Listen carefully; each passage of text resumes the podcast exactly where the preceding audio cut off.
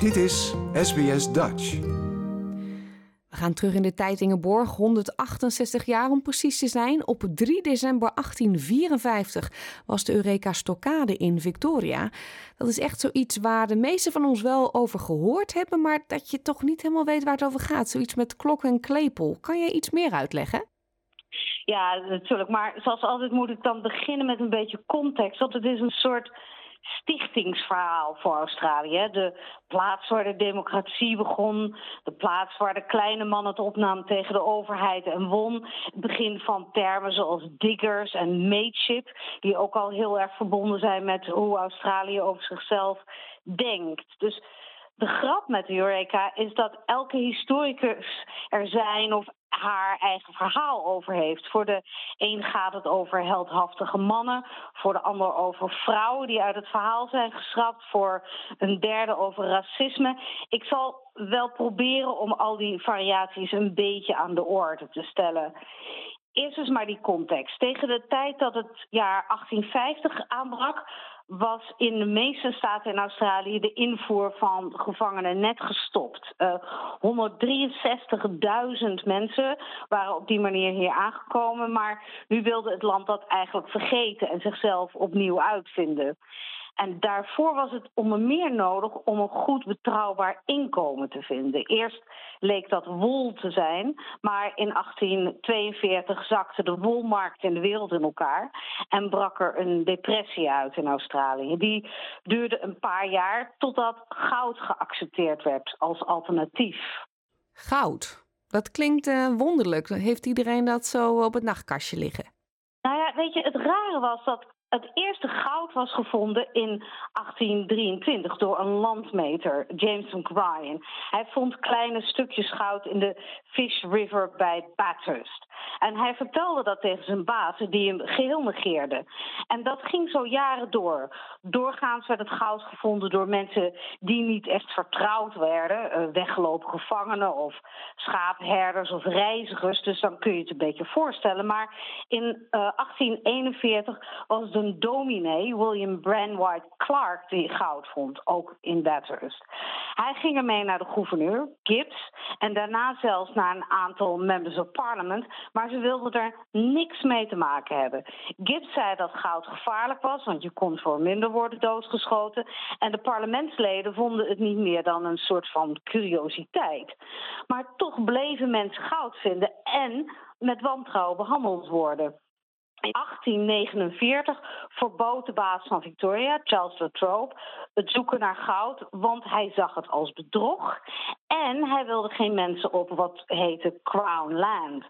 Maar overheden waren vooral bang dat goud zou leiden tot opstand. De combinatie van ex-gevangenen en grote rijkdom, dat vonden ze heel eng en dus probeerden ze dat tegen te houden. Maar in 1851 was er geen houden meer aan. Toen werden er echte grote stukken goud gevonden in een waterput in Bathurst natuurlijk weer. En daarmee begon de eerste echte goudkoorts.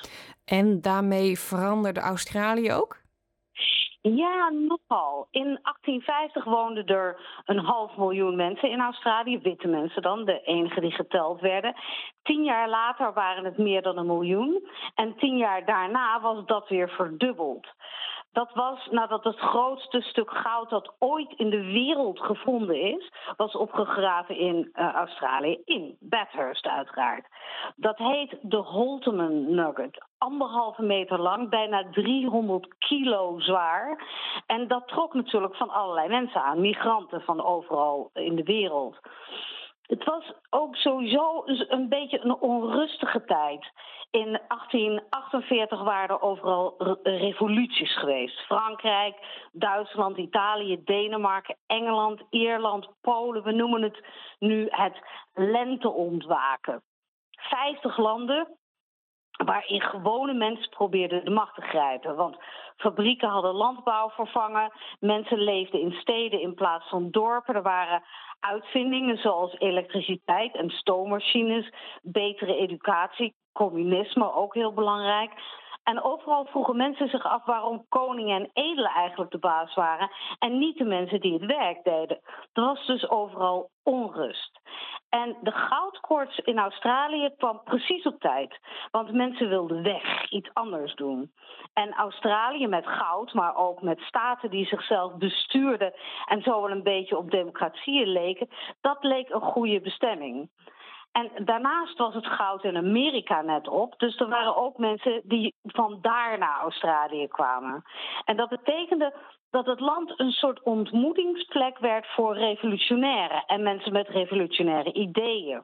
En wat ze vonden was een plaats waar iedereen inderdaad hetzelfde leek. Als je naar goud aan het graven was, dan deed het er eigenlijk niet toe of je een graaf was of een schaapherder. Je droeg dezelfde kleren, je gebruikte hetzelfde gereedschap en je status had te maken met goud dat je vond, nergens anders mee.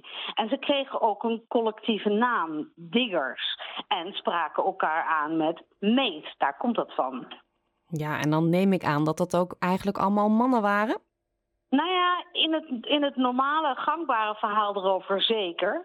Maar een paar jaar geleden kwam historicus Claire Wright met een boek dat The Forgotten Rebels of Eureka heette. En daar maakte ze heel duidelijk dat er heel veel vrouwen bij waren. Veel families ook met kinderen.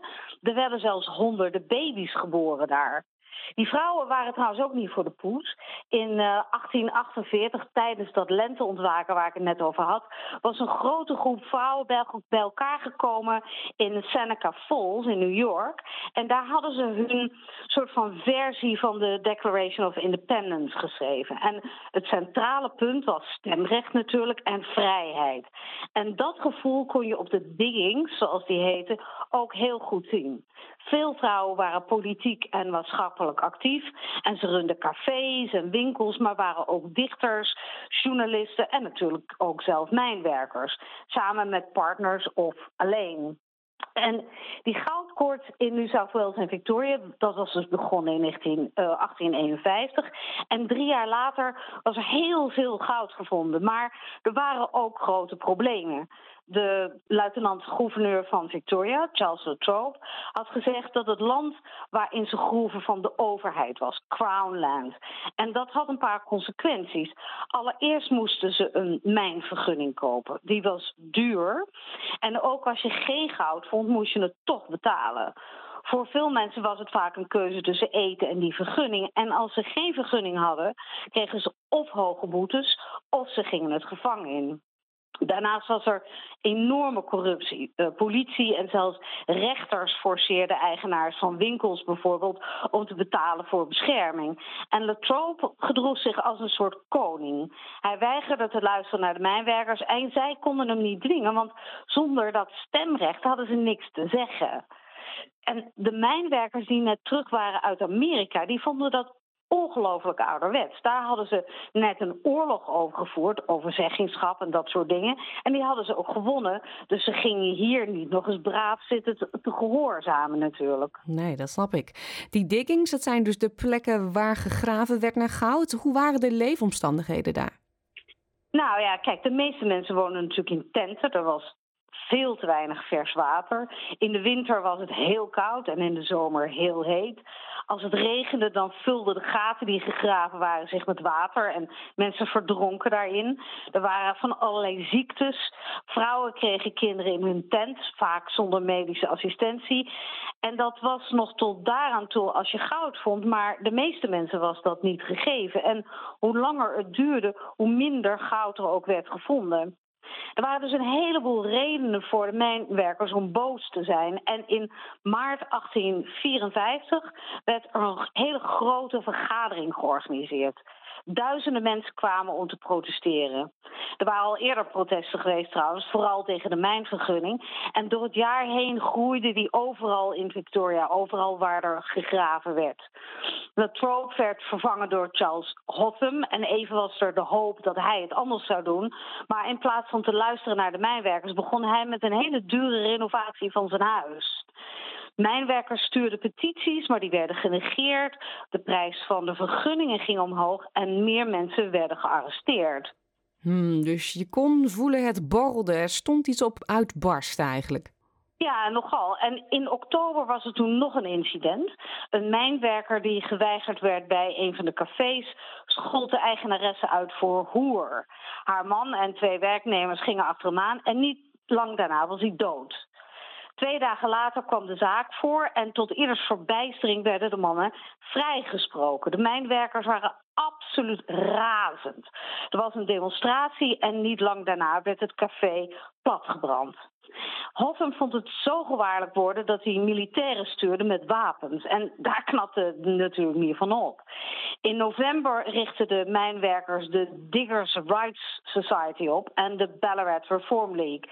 Tijdens een vergadering van 10.000 mensen, dat is nogal wat, werd een handvest geaccepteerd met daarin de doelen. Afschaffen van de vergunning, de militairen terug in hun barakken, geen corruptie meer, meer land voor de mijnwerkers en stemrecht. Een journalist schreef dat het leek op het manifest van de Australische onafhankelijkheid. En natuurlijk, nu werden de overheden pas echt nerveus. Op uh, Thanksgiving Day, 24 november, verklaarden de Amerikaanse mijnwerkers dat Ballarat nu een onafhankelijke republiek was. En vijf dagen later verbrandden 15.000 mensen hun vergunningen in protest. De dag daarna hielden ze een vergadering met een nieuwe vlag, de Southern Cross, met dat kruis in het midden. En daarna begonnen ze zich te bewapenen, want ze snapten natuurlijk heel goed dat dit tot allerlei vormen van gedoe zou leiden. Mm ja, en toen werd het ook uiteindelijk december. Ja, dus de eerste twee dagen bereidde iedereen zich voor. 3 december was een zondag. Dus de mijnwerkers gingen ervan uit dat de militairen dan niet zouden aanvallen. Veel van hen sliepen daarna, daarom buiten het kamp, buiten wat ze de stockade noemden. Maar om drie uur s'nachts begon het. 280 soldaten en politieagenten tegen zo'n 150 mijnwerkers. Het was eigenlijk voorbij binnen 20 minuten, maar ook toen begon het pas. Met de zegen van hun meerdere begonnen de soldaten en politiemensen als een gek in te hakken op de mensen. Gewonde mannen en vrouwen werden gebajoneteerd, tenten werden verbrand, soms nog met mensen erin, inclusief kinderen. En ongeveer 50 mensen kwamen om. 114 mijnwerkers werden gearresteerd. En niet lang daarna werden de leiders aangeklaagd voor landverraad. Daar stond de doodstraf op. Maar Victoria en daarna heel Australië was absoluut razend. Mensenlevens verbranden met bajonetten doodsteken waren ze nou helemaal gek geworden. Hoffman probeerde zich te verweren, maar in de rechtbank werden alle leiders vrijgesproken. En daarna werd een Royal Commission ingesteld die uiteindelijk de mijnwerkers gaf waar ze op gevraagd hadden. Geen vergunningen meer, maar een soort belasting op de export van goud. En dat betekende dat mensen alleen betaalden voor goud dat ze ook echt gevonden hadden. Daarnaast kregen witte mannen niet alleen stemrecht, maar ook het recht om land in eigendom te hebben, zelfs als je maar uit de werkende klasse kwam. En een van de leiders, de Italiaan Raffaello Carboni, werd zelfs rechter in Ballarat. De Amerikaanse schrijver Mark Twain was ontzettend enthousiast. Hij was ervan overtuigd dat dit een hoogtepunt was in de Australische geschiedenis en vond het ook heel erg passen bij het land dat een overwinning was voortgekomen uit een verlies. Hmm. En dit is dan het hele verhaal van de Eureka Stockade. Nou ja, ja, een deel van het verhaal. Want in het officiële verhaal zijn het dus alleen Australische witte mannen die de helden zijn. Wat ze vergeten is dat er dus heel veel vrouwen waren die grote rollen speelden. En ook dat de meerderheid van die mijnwerkers, ze zijn geen Australiërs waren, maar migranten. En ze streden natuurlijk ook niet tegen de Engelsen, zoals het verhaal gaat, maar tegen Australische gouverneurs, soldaten, politiemensen.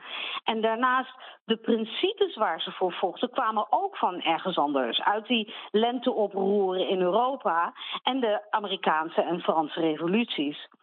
En daarnaast hebben we het natuurlijk over democratie, maar de vraag is wiens democratie? Vrouwen kregen geen stemrecht, First Nations mensen al helemaal niet. En in hun geval zou het nog 120 jaar duren voordat ze iets te zeggen krijgen. En dan is er natuurlijk ook nog de kwestie van de Chinezen. De kwestie van de Chinezen. Vertel eens. Tussen 1850 en 1900 werkten meer dan 100.000 Chinezen in de goudmijnen. Er waren waarschijnlijk zo'n 3000 Chinezen, denken ze, in Ballarat toen Eureka daar plaatsvond. En iedereen haatte de Chinezen, want ze werkten veel harder dan witte mensen en ze vonden dus meer goud. Ze waren natuurlijk niet wit in White Australia en werden daardoor gewantrouwd. Ze werden verdacht van allerlei dingen, verspreiden van ziektes, drugs dealen, verkrachten van witte vrouwen en natuurlijk die oude favoriet, het vergiftigen van het verse water, wat ook altijd gebruikt werd tegen de Joden. En de Royal Commission had de Chinezen, dus diezelfde Royal Commission die uh, de mijnwerkers had gegeven wat ze wilden, had de Chinezen een slecht ras genoemd. En al snel werden er allerlei regels ingevoerd die het moeilijker maakten voor de Chinezen om het land binnen te komen. Er waren rassenrellen waarbij witte mijnwerkers Chinezen doden, onder diezelfde Southern Cross flag trouwens. En heel erg veel Chinezen werden gedeporteerd de centrale wet van de federatie in 1901 was een wet die immigratie terugbracht. Die was speciaal gericht tegen de Chinezen. Dus racisme is ook heel erg verbonden met Eureka. Maar desalniettemin, zonder Eureka had de Australische federatie er wel heel anders uitgezien. Maar dat moet je even dan uitleggen, want uh, dat was 50 jaar later. Zeker, maar tegen die tijd zaten de meeste mijnwerkers en hun inmiddels volwassen kinderen en kleinkinderen in Western Australia, waar in 1892 een gouden continent was gevonden, zoals dat heette. Een enorm goudveld in de buurt van Kalgoorlie. Die mijnwerkers hadden hun ideeën van Eureka mee naar de andere kant van het land genomen. En dat kwam ze rond federatie goed van pas. Want de meeste staten hadden al toegestemd met federatie, maar de premier van Western Australia liet zijn oren hangen naar de rijke landeigenaren in de staat, die daar helemaal geen zin in hadden. De mijnwerkers die daar heel erg voor waren, waren heel boos. En met Eureka in hun achterhoofd besloten ze in actie te komen. Eerst probeerden ze de premier te overtuigen, maar net als Hotham luisterde die niet. Dus riepen ze, net als in Ballarat, een onafhankelijke staat uit. Aurelia goud staat natuurlijk. Hè? En ze schreven naar koningin Victoria dat ze een plan hadden voor wat ze noemden separation for federation. Aurelia zou zich afscheiden van Western Australia en dan kiezen voor federatie. Het was een absoluut briljant plan. Als het gelukt zou zijn, zouden ze een zin hebben gekregen. Als het niet lukte, en dat was uiteindelijk zo, gokten ze dat de premier gedwongen zou zijn tot een referendum en dan zouden ze alsnog hun zin krijgen. En zo gebeurde het ook. Zo werd heel Australië een federatie. En zonder Eureka zou dat niet zijn gebeurd. Ja, mooi weer zo'n verhaal. Heerlijk. En ze waren natuurlijk gewoon heel erg bij de pinken. Van als we A gaan, dan krijgen we uh, niet tot zin. Maar als we B gaan, dan krijgen we het via een omweg misschien toch nog. Um, hoe is het nu eigenlijk met het Australische goud? Nou, goed. We hebben de grootste goudreserves in de wereld. En zijn ook met China de grootste goudproducent. Vorig jaar werd er 321.000 kilo goud opgegraven. En de schatting voor dit jaar is 372.000 kilo. Uh, vorig jaar bracht goud bijna 30 miljard dollar op. Tijdens COVID waren de goudmijnen dan ook essentiële industrie en mochten gewoon doorwerken. En op het moment exporteren we enorme hoeveelheden goud naar China en naar India, die er sieraden van maken. En het is natuurlijk in tijden van onzekerheid een soort veilige haveninvestering. Wat ook heel veel oplevert trouwens, is de show die erover gaat. Uh, Aussie Gold Hunters, waarin teams met name als uh, Dirt Dogs, Dust Devils en Gold Retrievers hun best doen om zoveel mogelijk goud te vinden. Ja, dat wordt wel gekeken bij mij thuis inderdaad. Ja. Ja, precies. En zoals Eureka is dat niet alleen interessant om het goud, maar ook omdat het je een beetje vertelt hoe mannelijkheid er in Australië uitziet. Maar de show is enorm populair overal in de wereld. Hij wordt uitgezonden in 125 landen en bereikt 40 miljoen kijkers. Het is geweldige reality TV. Lekker binnen met een glaasje zitten kijken naar mensen die in 45 graden omgeven door vliegen en in primitieve omstandigheden de moed erin houden. Kijk, dat is pas goud. Dankjewel weer Ingeborg. Graag gedaan. Like, deel, geef je reactie. Volg SBS Dutch op Facebook.